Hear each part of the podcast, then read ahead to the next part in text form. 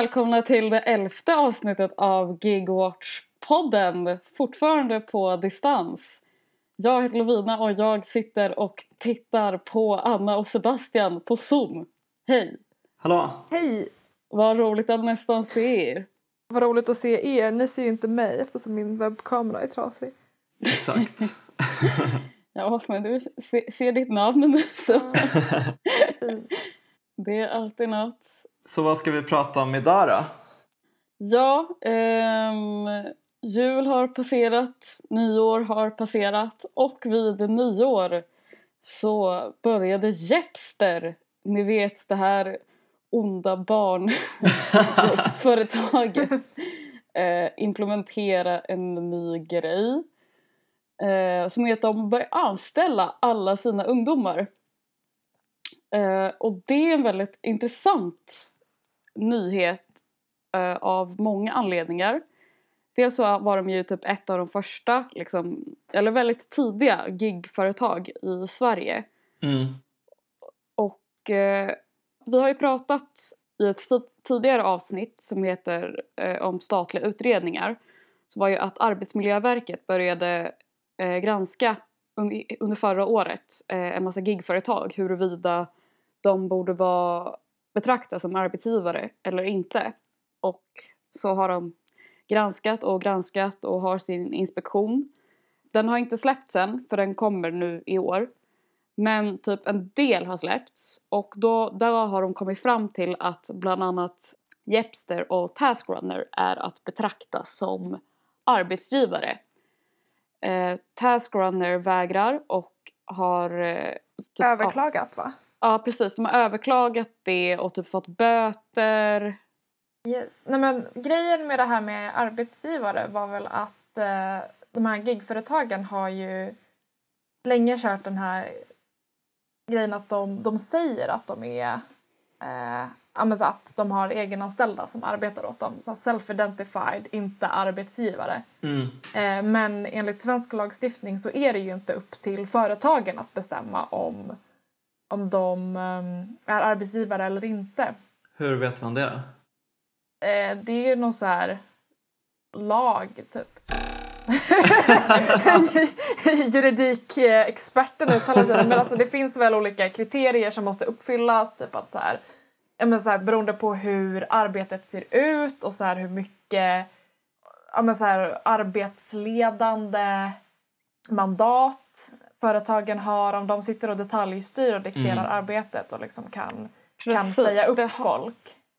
Det har ju varit lite, um, jag läste på lite om det där jag tror typ att det tidigaste man hittat det är väl typ något domslut från typ år 2000 det var något bemanningsföretag som hade en massa tvingade folk till egenanställningar och sen så kom liksom typ arbetsdomstolen fram till att så här, nej men det här är alltså de borde faktiskt vara anställda typ.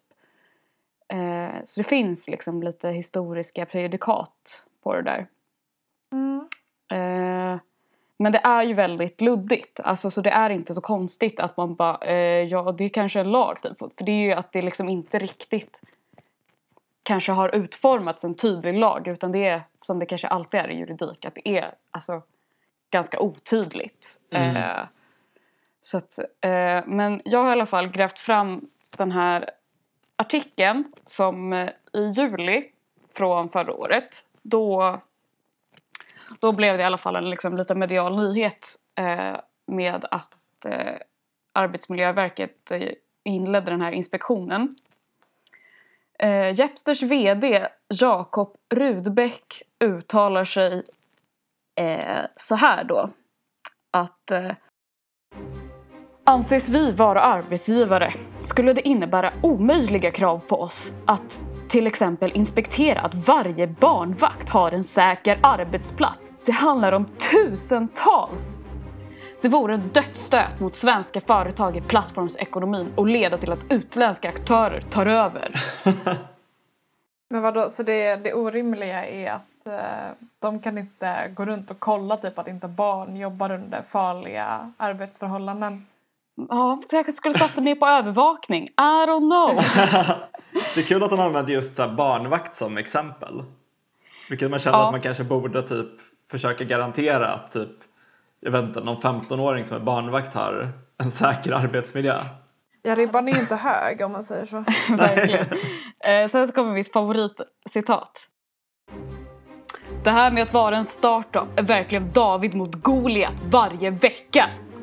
Jag räknar med att det här kommer att sluta i rätten, men jag är också glad att det sker. För det behövs tydlighet så att spelreglerna blir klara för plattformsföretag. Eftersom det finns företag som inte tar sitt ansvar, säger han. See you in Så, court. Så David, är det den lilla personen och Goliat är den stora? Förlåt, Ja, jag, är Goliat jag, är är inte, jätten. jag är inte inläst på, på metaforer. Men, eh, men så David i det här fallet är alltså ett startupbolag som har, som har tagit emot mångmiljon eh, investeringar från eh, olika så här, svenska miljardärer. Exakt. Som, som, som lärde känna grundaren till eh, Stena Line när han krattade löv åt honom eller någonting. Ja, under osäkra arbetsvillkor. Som sen bara råkade investera några miljoner i Jepster. Ja, nej men för då, då kan vi bara köra en liten snabb recap här. Att så här, vad är Jepster och vem är den här Jakob Rudbeck? Mm. Eh, ja. Eller är- det David?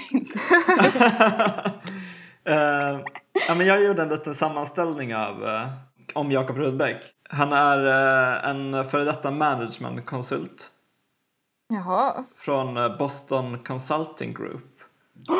Det är väl de som typ... De upphandlade väl Karolinska? Ja, precis. Ja. Och managementkonsulter är väl de mest onda människorna. Det är, de som liksom eh, ja, men kommer på hur man ska få folk att jobba mer för mindre pengar. Jaha, men Jag alltså tror det. Nya Karolinska var väl hela det här att det var massa konsulter som fick oss många miljoner för att typ sätta dörrar upp och ner och så här inte Ja, men precis. glömma typ att installera sjukhuset i sjukhuset så att så här, ingenting är funktionellt. Mm. Men deras egentliga grej ska väl vara att typ effektivisera saker. Sen så bara råkar det inte alltid bli så i verkligheten för att de politikerna som anlitar dem är dumma i huvudet typ. Deras grej ska väl vara att liksom Streamlina sjukvården. exakt, exakt. Typ Eller Ut- lata sjuksköterskor. utveckla nya sätt att förhindra sjuksköterskor från att gå på toa. Gotta do that. Okej, men eh, aha, han, okej, han var eventuellt kanske med och satte upp dörrar åt fel håll på Nya Karolinska. Eventuellt. Eller? Eventuellt. Jag tror att det är ganska många som jobbar där så han kanske eh, missade just det. Men eh, Vad är Jepster? vad är Jepster? Jepster är en, eh, en app som utger sig för att fungera som en lapp på ICA eh, och förmedla typ småjobb till ungdomar. Men eh, och de riktar in sig på ungdomar mellan typ 15 och 24 tror jag. Förut var det 21 men sen så höjde de det. Eh. det är väl en genomgående de har gjort, grej de har gjort gradvis att de har höjt åldersspannet hela tiden. För Mm. de, de pratade ju mycket om att eh, från början om att så här, vi vill ge ungdomar deras första jobb och sen insåg de att ungdomar är eh, inte jätteintresserade av att jobba och särskilt inte jobba via en app eh, så eh, man får liksom hela tiden höja definitionen av ungdomar tills det 24-åringar då som ska klippa gräs och rasta hundar, I guess, som många 24-åringar håller på med. I, I Jepsters drömekonomi kanske de gör det. Så, så lät det i juli. Eh, men nu så låter det lite annorlunda. Helt plötsligt så ska David, eller oj, jag menade Jakob Rudbeck, eh, anställa alla sina, de som jobbar för appen. Eh, och det är ju väldigt stort. Och det är ju alltså efter att Arbetsmiljöverket kommit fram till att eh, de faktiskt är att betrakta som arbetsgivare.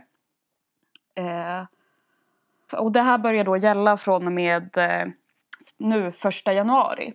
Eh, så då anställer de sina 5500 gigarbetande ungdomar som de blir ett av de första gigföretag som tar ett sådant arbetsgivaransvar. Och det innebär liksom att de typ har att hantera arbetsgivaravgifter, skatter och eh, försäkringar, semesterersättning, pension och typ får lite mer ansvar för arbetsmiljön. Så det blir liksom en typ eh, allmän visstidsanställning. Så nu har de diskuterat nya anställningsformer med våra advokater och de har mer och mer sagt att det finns en möjlighet. Ja, men han eh, menar ju att det är lite lättare för hans typ av eh, företag för att de kan använda RUT och ROT-avdrag än Just det. för eh, andra typer av företag som erbjuder andra typer av, alltså andra typer av gigföretag som erbjuder andra typer av tjänster. Eh, men han är väldigt stolt över att de liksom tar det här ansvaret och eh, så att de verkligen vill ungdomars bästa. Han säger så här. Nu när de byter till, nu när de byter till att anställa de som jobbar för dem. Jepster är Sveriges och antagligen ett av världens första gigföretag som tar steget att anställa sina giggare. Vilket är en stor skillnad mot stora amerikanska gigplattformar som med alla medel kämpar för att hävda att de inte är arbetsgivare. Det här blir en signal till Uber och alla andra gigföretag. Om vi kan anställa våra ungdomar borde de också kunna göra det. Man bara för att det typ inte finns Arbetsmiljöverket i USA alltså. Men det är så jävla sjukt eftersom han själv liksom har verkligen hållit på att kämpa för att säga att han inte är arbetsgivare. Ja, det är verkligen den här kontrasten mot eh, det här blir en dödsstöten, det är David mot Goliat till liksom nu tar vi, nu leder vi kampen för en bra arbetsvillkor för ungdomar. typ. Vi Man ville bara- faktiskt det här hela tiden. Ja. Det känns i alla fall som att de verkligen försöker pitcha det ganska mycket som att det här är någonting som de alltid har velat för att de alltid kämpar för eh, arbetsrätten och värnar om sina ungdomar. Eh, men i själva verket så är det ju så nu att så här, okej, ni får betala skitmycket böter eller så får, måste ni göra så här. Typ. Ah, Och då så bara, vi är så stolta att kunna gå i förledet för en bra arbetsmarknad för ungdomar. Typ. Och man bara, eh, okej. Eh, chilla Gunilla. Och sen så typ i en artikel nu också så har LOs ordförande kommenterat det. Eh, och de hade ju velat att eh, de skulle ha kollektivavtal både för sin egen och för, alltså för Jepsters egen skull och för de anställdas skull, säger hon. Men alltså det är ett så himla märkligt citat kan jag känna från någon i LO. Alltså så här, var tror de att kollektivavtal kommer ifrån? Är det kollektivavtalstomten som, som så här, delar ut dem? Alltså så här, vad fan, de är ju en jävla fackförening. Är det inte deras uppgift att se till att företag har kollektivavtal eller? Gärna bra kollektivavtal också. Eh, ja, det kan man ju tycka när man skryter med att så här, vi har en miljon medlemmar i vårt fackförbund. Eh, men vi behöver verkligen vänta på att kollektivavtalstomten kommer och... Eh, eller liksom, det är verkligen så här, LO efterlyser kollektivavtal. Det är ju verkligen så här, okej. Till vem? Det är ni som är fackföreningen. Alltså jag får panik. En intressant grej är ju också det här med att under liksom Jepsters karriär, man ska säga, så är ju att de... Alltså, i och med det här så är de ju verkligen bara ett, eh, eh, ett appbaserat bemanningsföretag. mm, Eh, och de har ju redan tidigare tagit lite steg åt det hållet när de börjat ha företagsgig också. mm. Just det, för nu kan man väl inte bara söka jobb som barnvakt typ, eller så här, klippa löv eller någonting åt en privatperson utan så här, man kan också jobba på lager eller eh, på café liksom, via Mm. Jepster. Precis. Eh, för apropå det här med att eh, Jepster mer och mer liksom börjat eh, använda sig av företags...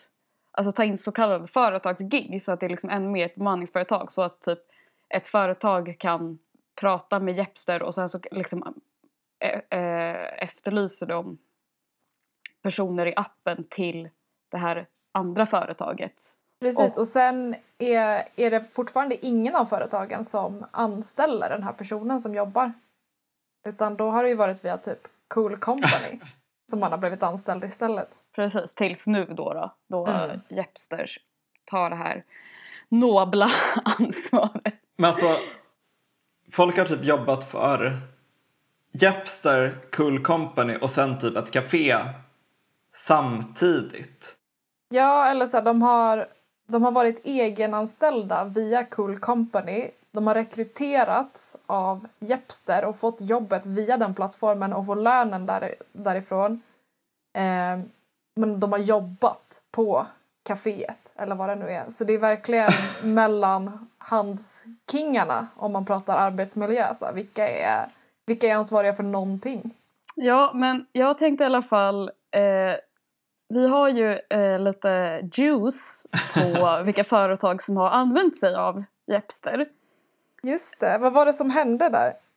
Ja, eh, nej men de Jepster råkade bara mejla ut eh, en, de skulle vilja ha en undersökning, eh, kundundersökning av liksom de företag som har anlitat dem med typ så här, om de, hur de är nöjda och så. Så de skickade ut det till alla som har använt dem. Men eh, de glömde att eh, trycka på hemlig kopia.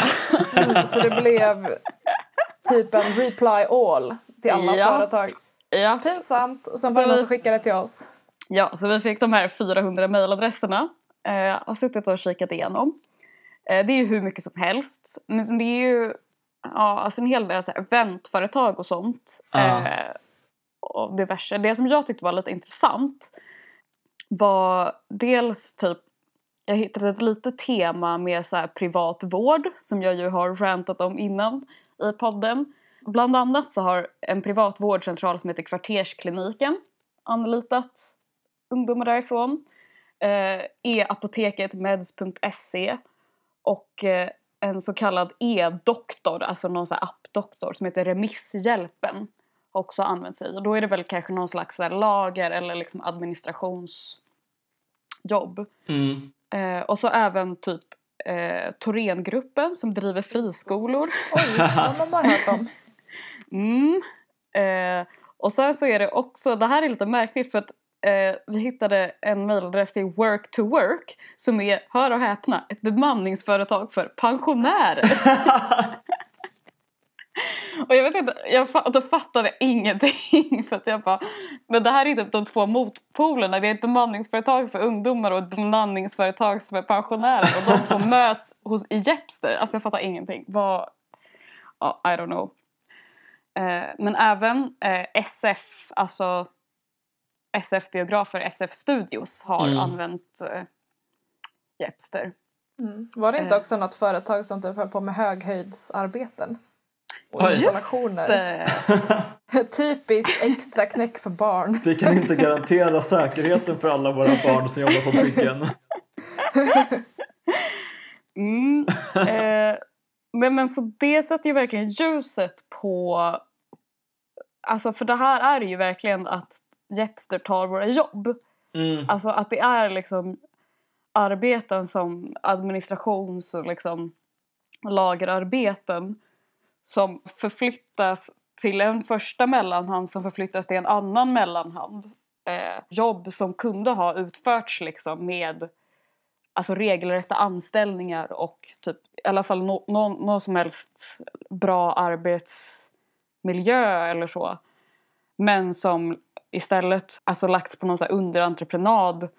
Jobben förflyttas därifrån. Alltså säkra jobb eller liksom någorlunda säkra jobb blir osäkrare.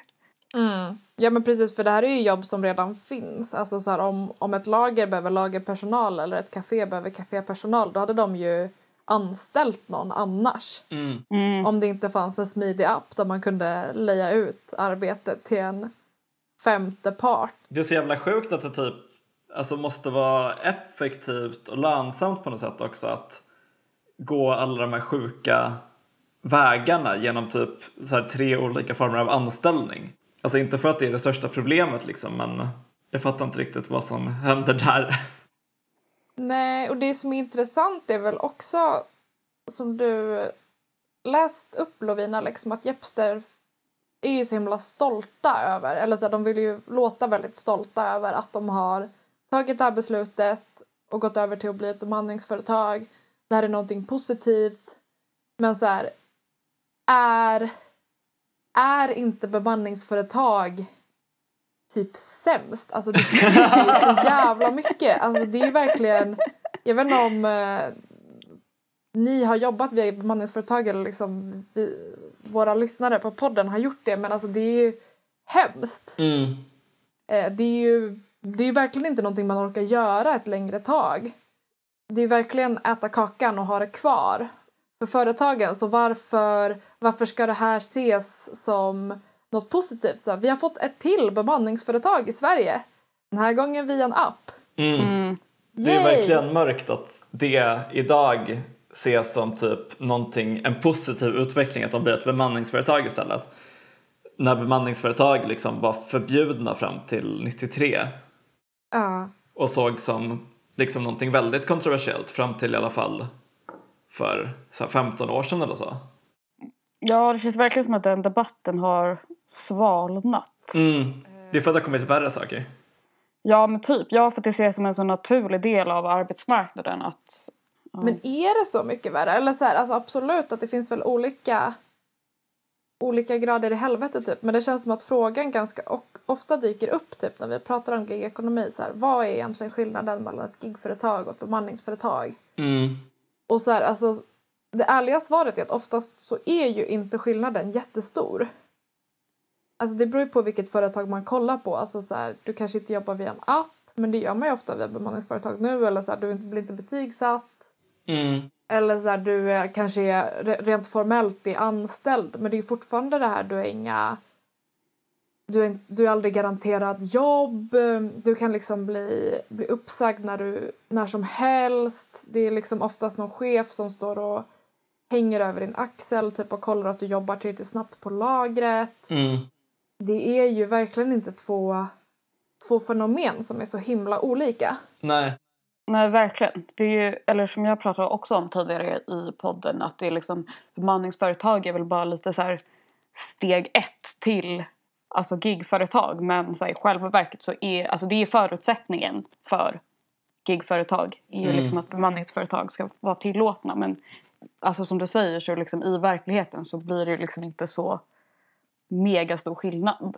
Eh, i alla fall liksom om de börjar anställa. Jag tror att det ändå är ganska stor skillnad eh, om, alltså, versus typ tipp-tapp som liksom inte sköter alltså så här, försäkringar eller liksom eh, alltså anställning, kollektivavtal versus liksom, alltså många, det finns ju ändå ett kollektivavtal för bemanningsföretag.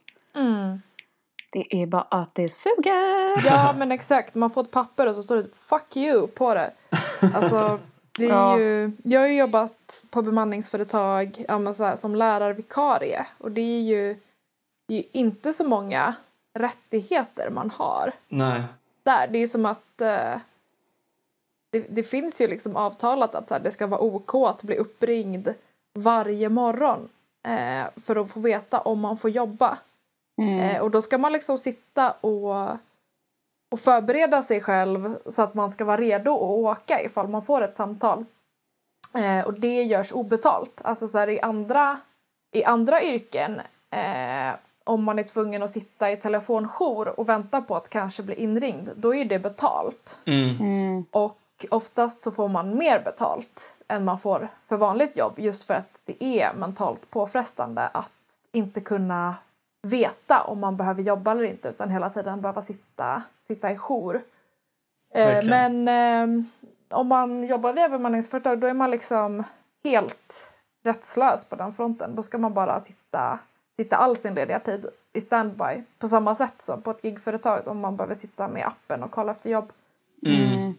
Men jag tänkte en eh, intressant tråd också som, eh, som du lyfte lite tidigare, eh, Anna. Eh, Mm. Det här med åldersspannet, att det har höjts. Eh, Just det. Vad, vad ligger det på nu? Vet du? 24. Jag är ju 23. Alltså någonstans kan man väl tänka att okej om man är 15 så kanske man vill vara barnvakt och liksom kanske ha no, alltså så här, en extra inkomst. För, för man är ju inte tvungen att försörja sig själv typ om man går på gymnasiet. Eh, Förhoppningsvis. Förhoppningsvis. nej precis, förhoppningsvis. Men eh, De allra flesta är ju inte tvungna att göra det utan det kanske Nej. är godispengar. Precis, men eh, en, jag tycker ändå inte att det är ett argument för att man ska ha dåliga villkor.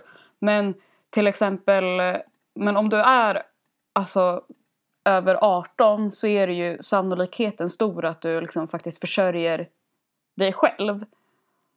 Eh, och det går ju inte att försörja sig på det här. Och det är som att alla företag hela tiden pitchar, de vill bara skapa en massa extra jobb hela tiden.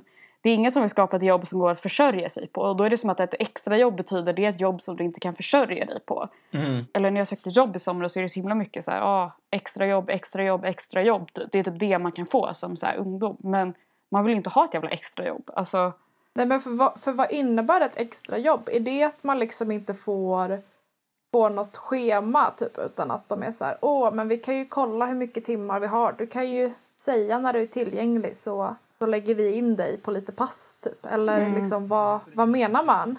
Det finns väl ingen officiell definition av extrajobb liksom? nej, jag tycker det är en retorisk gimmick för att sänka standarden på arbetet. Men vad är det man menar? Är det liksom att det är Men jag menar typ att det ska vara ett jobb liksom vid sidan av studier kanske. Jo, men, jag, men jag tänker liksom hur, hur ser skillnaden ut mot hur ett annat jobb funkar liksom? Alltså det är väl att man inte kan försörja sig på det liksom. De säger att det här ska inte vara en huvudinkomstkälla.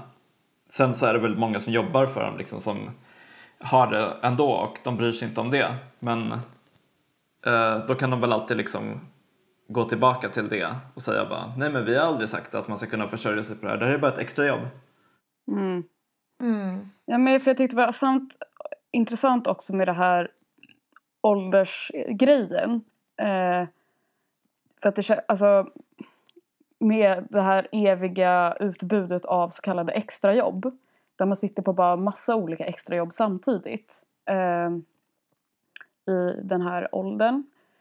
Eh, och det är den här ungdomsbarometerns undersökning från 2000 från förra året, 2020 som visar att ungdom mellan 15 och 24, alltså det vill säga den åldersgrupp som Jepster har, skulle välja trygga anställningar och fast lön före till exempel flexibilitet och allt jada jada. Eh, så alltså 80% skulle alltså värderar trygg anställning och fast lön före just flexibilitet och typ få jobba när man vill, extra bla bla bla typ. Eh, så det är ju ingen som vill ha det här.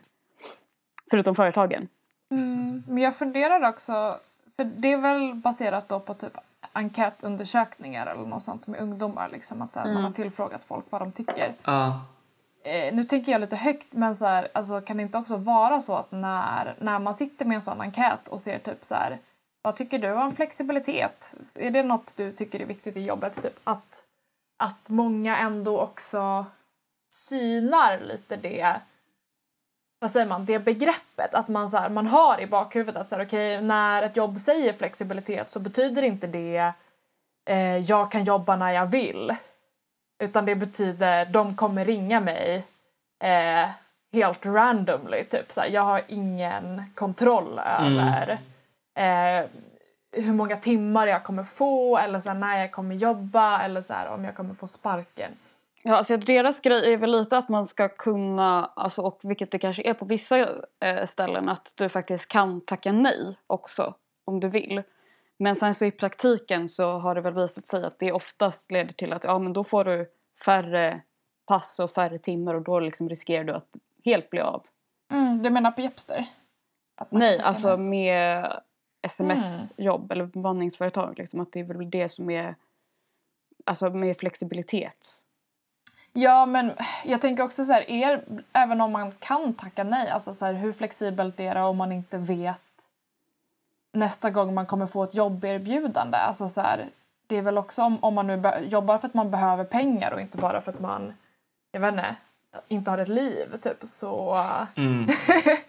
så är det väl också att så här, men man, man behöver ju få x antal timmar liksom om man ska få någon inkomst. Ja, Och precis. så här, visst, man kan tacka nej för att så här, det kanske är ett pass som ligger jättedåligt. Men för, man kan ju inte titta framåt och se att så här, okej, men då kommer jag kunna jobba där istället oftast. Fattar ni hur jag tänker? Ja, ja men alltså verkligen. Ja, alltså jag fattar vad du menar. Alltså flexibilitet är ju som vi har sagt många gånger en myt. Eller alltså det känns ju som att i det begreppet är det oförtjänt positivt laddat. Eftersom är ju bara otrygghet. Alltså jag menar flexibilitet är väl nice i sig men problemet är väl att den liksom flexibilitet som de här företagen erbjuder inte är någon flexibilitet för de som jobbar.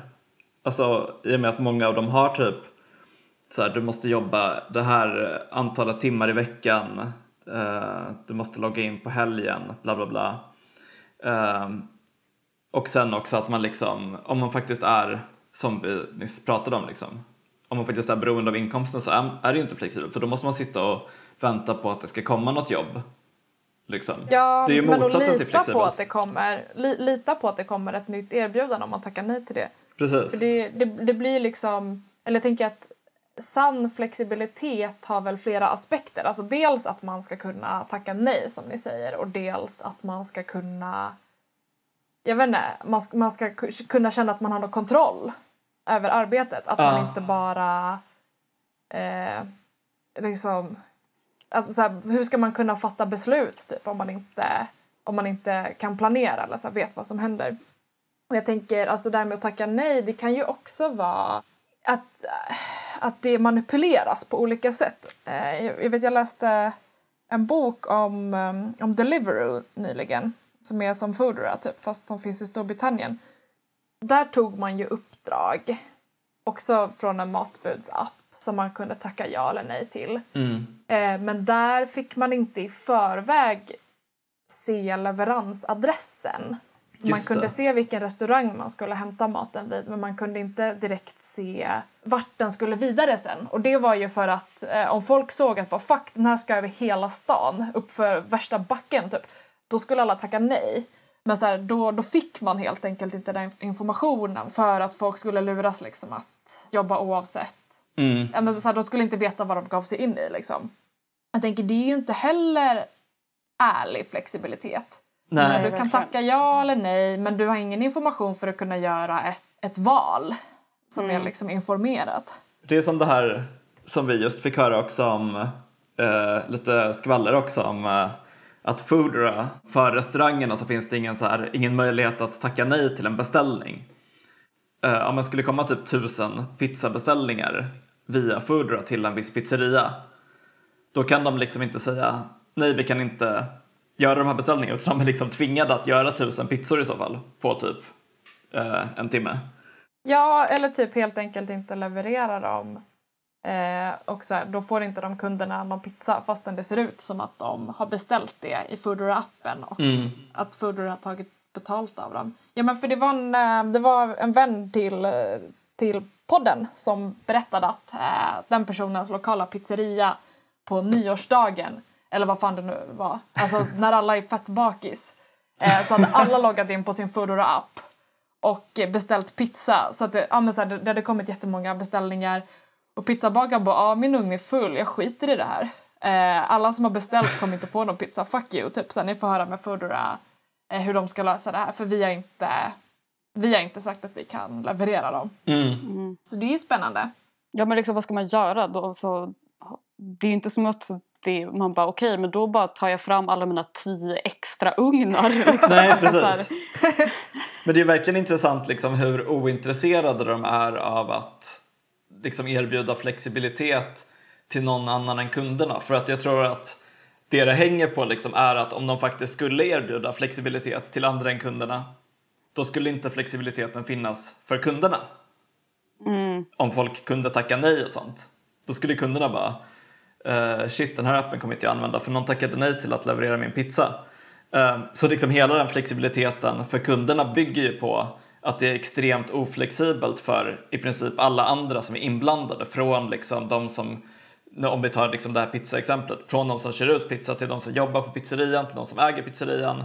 Eh, det är liksom bara kunden eh, som prioriteras och företaget såklart eh, vars intäkter kommer från kunderna.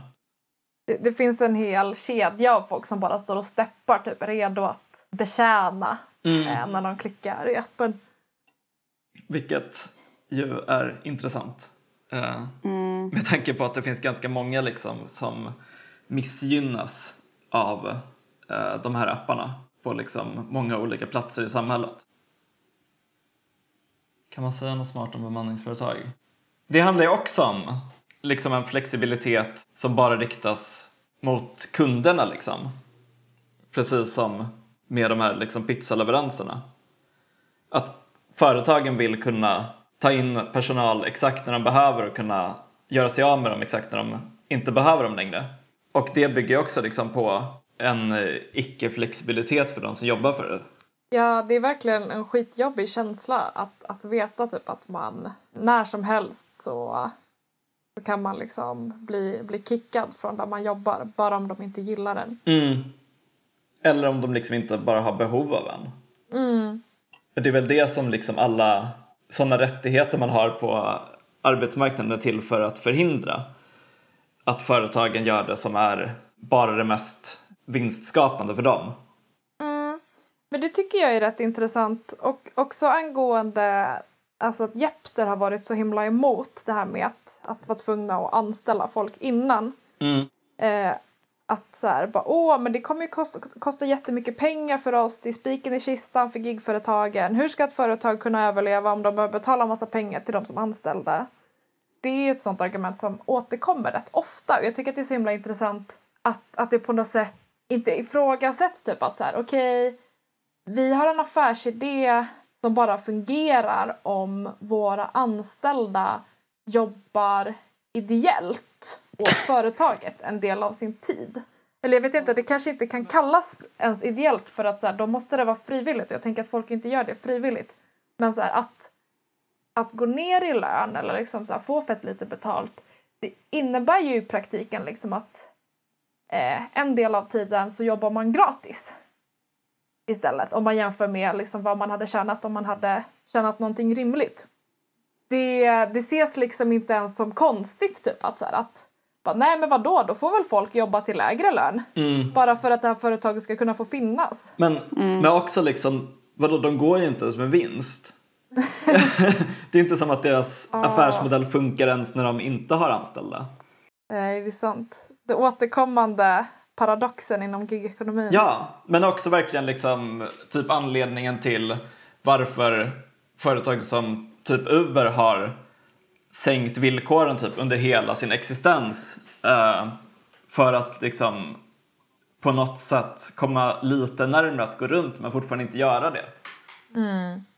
Verkligen. Men, men jag tänker att man ska ju kalla saker vid vad de är.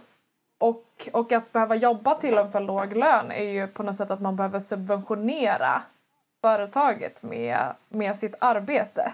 Mm. Man, man brukar inte beskriva det så, men jag tycker ändå att det är, det är ju det det är. Hur menar du? Ja, men så här, man arbetar subventionerat. Alltså så här, man, man tar inte betalt för sitt arbete det det faktiskt är värt. Utan mycket lägre pris bara för att ja, men så här, vara snäll typ. Eller så här, för att företaget säger att de inte kan annars. Nej precis, men det handlar väl också liksom om att man inte kan hitta andra jobb.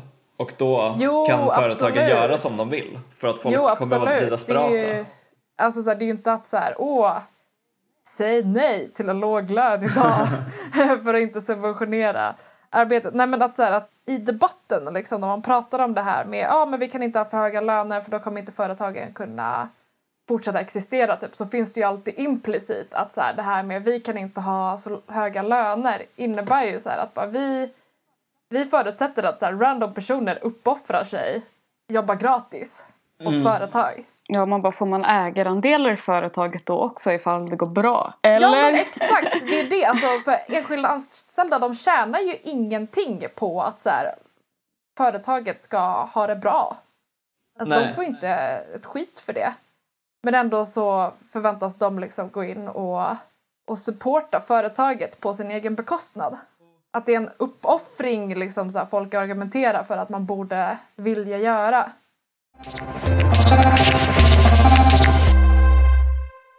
Ja, nej men jag har försökt eh, läsa in mig lite på vad det är som händer på Pågatågen just nu. Eh, Vad är det? När podden spelas in. vad är det? Frågar poddens eh, före detta malmöit som, som visst vet vad Pågatågen är. Det är typ som pendeltåg i Skåne. Eh, och det som har hänt där är att alla som jobbar på Pågatågen som typ tågchaufförer tror jag, eller tågvärdar Eh, de är i en konflikt just nu med, eh, med sin arbetsköpare som heter Arriva. Eh, för Arriva har försökt hyvla alla anställningar. Jag ska alldeles strax förklara lite vad hyvling innebär. Eh, men, eh, men så det har varit en konflikt eh, som på, av olika anledningar har eskalerat. Det har slutat med att Arriva nu försöker säga upp eh, pågatågsarbetarnas eh, huvudskyddsombud eh, och därför så har de varslat om vild strejk. Eller man kanske inte har varslat det, eh, för det är ju det är inte en vanlig strejk, det är en vild strejk, eh, vilket är superspännande. Vad innebär det? Eh, det det innebär är att det, det är en det är väl att det är inte facket som ligger bakom det. För facket har väl någon slags fredsplikt. Ja, precis. Alltså, det, det är inte en olaglig strejk. Eh, men den, eh, den går emot liksom så här, reglerna för hur man ska ha en strejk i Sverige enligt typ några strejkregler som har in, instiftats. Det låter coolt. Eh, ja, eller lite oklart. Men så här, alltså, i Sverige så har vi den här den svenska modellen som går ut på att eh, arbetsköpare och fack eh, ska försöka komma överens om avtal för, eh, för vilka arbetsvillkor och sånt som ska gälla. Ehm, och när ett kollektivavtal finns på en arbetsplats så får man inte strejka. Utan om man ska strejka då måste man säga upp avtalet först. Eh, och dessutom om man ska strejka via ett eh, fackförbund så, så oftast så är det liksom så här facktopparna som behöver liksom godkänna strejken. Eh, att de besluten tas uppifrån. Eh, men, men en strejk innebär ju egentligen bara att man vägrar arbeta. Eh, och det går ju såklart att göra oavsett om det går till enligt reglerna eller inte. Så den här vilda strejken är helt enkelt att alla som jobbar där har bestämt att på måndag vad blir det, 4 januari så säger de att de eh, kommer sluta jobba. Precis, och då är det ju det att, eh, att Seko som är fackförbundet eh, ligger liksom de får typ inte gå ut och stötta den här strejken. Nej, även precis. om de faktiskt gör det. Eh, PGA, de, av kollektivavtalet så är de bundna till eh, fredsplikt och att liksom eh, få ner den här strejken. Men som jag har förstått det så är det väl som att alltså de liksom off the record typ strejken men inte kan gå ut och liksom säga det. Precis, för att om ett, om ett fackförbund går, går ut och stöttar eh, en vild strejk eller så här, något av deras fackliga representanter gör det så kan fackförbundet behöva betala supermycket pengar i skadestånd. Eh, så det här försöker man oftast undvika även om man tycker att den vilda strejken är bra. Eh, men för vanliga Eh, medlemmar och liksom folk på arbetsplatserna så det enda som, man, som kan hända om man strejkar vilt är att man kan få behöva betala skadestånd på typ 3 000 kronor totalt. Alltså oavsett hur länge den vilda strejken varar. Eh, så att så här, alla, alla vanliga personer utom skyddsombuden eh, kan delta i en vild strejk. Eh, även om skyddsombuden till exempel skulle stötta strejken så får de liksom inte säga det högt. Så de kanske så här, lite pliktskyldigt bara åh nej, strejka inte, please. Men förhoppningsvis så, så är ju folk som jobbar införstådda med att det är för att de måste säga det liksom. Eh, och att det inte betyder så mycket. Mm. Men, men i alla fall, och det den här konflikten egentligen handlar om eh, från början är att Arriva har försökt hyvla typ alla eh, arbeten. Eh, de har försökt säga upp folks avtal och säga att så här, om ni inte går med på nya avtal där ni bara jobbar 80 procent eh, så kommer ni få sparken. Mm. Eh, och man kan ju tänka sig åh, fett att jobba mindre. Men eh, det innebär ju också att man får mindre lön. Eh, man förlorar en femtedel typ av, av lönen. Det här skulle innebära i praktiken är ju att eh, fler skulle behöva tacka ja till enskilda pass. Precis som vi har pratat om tidigare, typ bli inringda. För att så här, Arriva har inte ett behov av färre som kör tåg. tvärtom så kör de fler turer just nu under pandemin än det varit tidigare. Eh, så det är egentligen helt ologiskt att de vill att folk ska gå ner till 80 procent. Eh, om det inte vore för att så här, okej, men då kan vi ta in fler timmisar istället eh, och få folk att jobba extra. Eh, extra jobb som vi alla älskar. Eh, istället för att behöva garantera dem eh, arbete. Och, eh, och det, här, alltså, det här suger ju. Det här är ju. Jag tänker att det är ett jättetydligt ett steg i en process mot gigifiering av det här arbetet. Att så här, eh, arbetsköparna försöker eh, slippa undan att behöva ha folk anställda på heltid. Eh, man börjar med att försöka få ner folk till 80 procent. Eh, och sen kommer man försöka fortsätta göra så här tills man har så många timanställda som det bara går. Alltså så här, det ser man i supermånga branscher, både, eh, både inom butik ja, men så här, och handel men också så här, i hamnarna. Att, så att företagen strävar ju hela tiden efter att kunna bli av med fast anställd personal för det är jobbigt och dyrt eh, med folk som kan jobba tryggt. Eh, och det som har hänt då är att eh, deras huvudskyddsombud har, ja men så här, typ inga har tackat ja till de här nya avtalen utan så här, alla säger nej eh, för att så här, man kan inte sparka alla liksom. Eh, så det är typ 300 personer som har sagt nej och 20 som inte har berättat vad de har sagt och en som har tackat ja.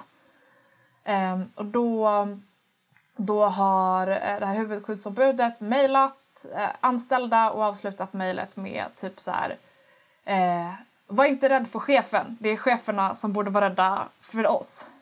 Och då har liksom Arriva tagit det som någon sån bullshit-anledning till att ah, då ska han bli uppsagd typ, för att han säger att cheferna borde vara rädda för honom.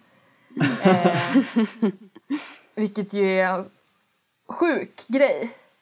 Eh, men så det, det som har hänt då, liksom som reaktion på det, är att, att eh, de som jobbar på Pågatågen har lanserat öppet eh, att de kommer strejka vilt på måndag om inte eh, Arriva drar tillbaka varslet mot eh, huvudskyddsombudet. Eh, jag tycker att det är intressant med, eller så här, det strejkas väldigt lite vilt i Sverige. Det är som att många tror typ att så här, man får inte strejka.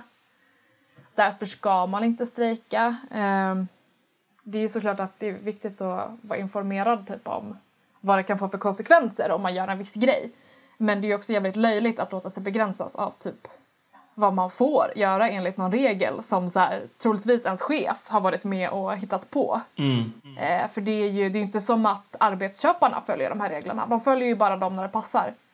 Eh, och... Eh, eh, ja, men om det blir strejk eh, så får vi ju se till att samla in pengar till, till de här skadestånden som kommer bli. Och också eh, till en strejkkassa. För att det, det är också en grej som är bra att veta med vildstrejk. Att så här, då, då får man inte liksom strejkpengar från sitt fackförbund oftast. Eller inte alls, tror jag, för de får inte vara inblandade. Eh, så då har man utebliven inkomst liksom, under de dagarna som strejken pågår. Mm. Det var en stor insamling härom året till Hamnarbetarförbundet va? Det var inte en vild strejk kanske? Eller? Nej, var det. jag, Men- jag tror inte det. Men det, för de var ju lockoutade eh, och behövde pengar till sin Ja, strejkkassa. Men så det, alltså så alla som lyssnar, eh, när det här avsnittet släpps, ifall det är eller har varit en vildstrejk på Pågatågen så ska vi såklart eh, hjälpas åt och, och samla in pengar eh, till att eh, eh, täcka de här eh, skadestånden så att inte enskilda eh, personer liksom som jobbar på Pågatågen behöver ta den smällen. Eh, för det de gör är ju faktiskt att de eh, tar fighten eh, mot försämrade villkor i sin bransch på ett av de tuffare sätten man kan göra det på. Ja. Hashtag backa Ola. Ja, hashtag backa Ola, Det eh, är vilket är skitbra. huvudskyddsombudet som heter Ola då. Precis. Tack för transparency. Eh, och eh, honom ska vi såklart backa. Hej, Lovina här. Eh, en liten uppdatering på tågen eftersom det här avsnittet eh, spelades in för ett litet tag sedan och det har hänt mer sedan dess. Eh, på måndagen så var arbetarna redo att eh, strejka men när, i Arrivas möte med Ola på förmiddagen så eh, backade Arriva och tog tillbaka att eh, de skulle sparka honom så det blev ingen strejk eh, utan eh, arbetarna vann och slapp strejka. Eh, så jag tänkte bara säga det.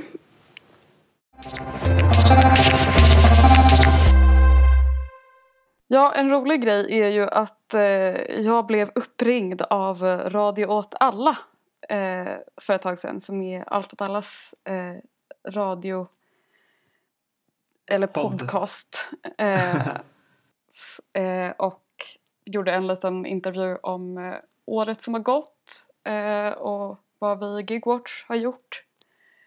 Kul. Eh, I deras nyårsavsnitt som ja, släpptes på nyår. Eh, så det kan man lyssna på och ja, Ja, det ska jag göra. Tack för att ni har lyssnat. Ja, tack så mycket. Eh, kom tillbaka till nästa avsnitt. Vi hörs. Hej då.